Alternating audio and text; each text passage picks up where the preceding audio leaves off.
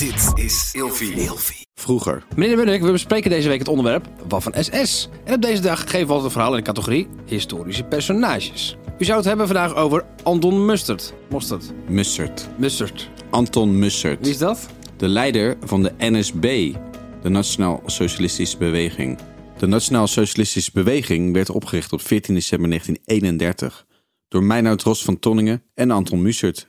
Eh, zij zijn dus de Nederlandse Nationaal Socialistische Partij.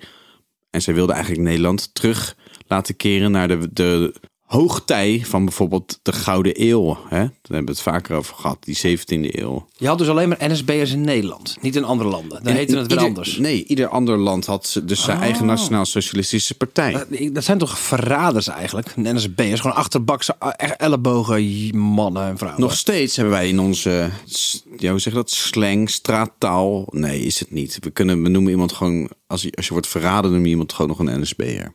Kijk, wij zien NSB'ers als mensen die hebben samengewerkt met de vijand. Er zijn natuurlijk verschillende gradaties in samenwerken. Maar de NSB was dus wel in, het, in de jaren dertig een, een rechtse politieke partij waar je op kon stemmen.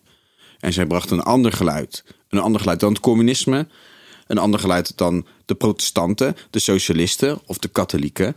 Ze waren gewoon een wezenlijk onderdeel van het politieke bestel in Nederland. Oh joh, net zoals PvdA en VVD. absoluut, En, absoluut. En zo konden dus mensen stemmen op ja, wat voor hun belangrijk was. Nou, als zij vonden dat het eigen ras eerst moest zijn, dan was je bij de NSB aan het juiste adres. ik dacht dat NSB'ers altijd een soort van spionnen waren. Je wist nooit wie er bij de NSB zat. Nee joh, dat is dus pas veel later aan de hand. Dat zijn als, het, als de oorlog al gaande is, dat mensen zich vanuit overtuiging, kunnen jodenhaters zijn, of eh, ze willen de Duitsers heel graag dienen, of ze willen er gewoon geld aan verdienen, eh, gaan zich aanmelden om veeman te zijn, vertrouwensman en bij de Sicherheidsdienst te werken, bij de geheime dienst bijvoorbeeld.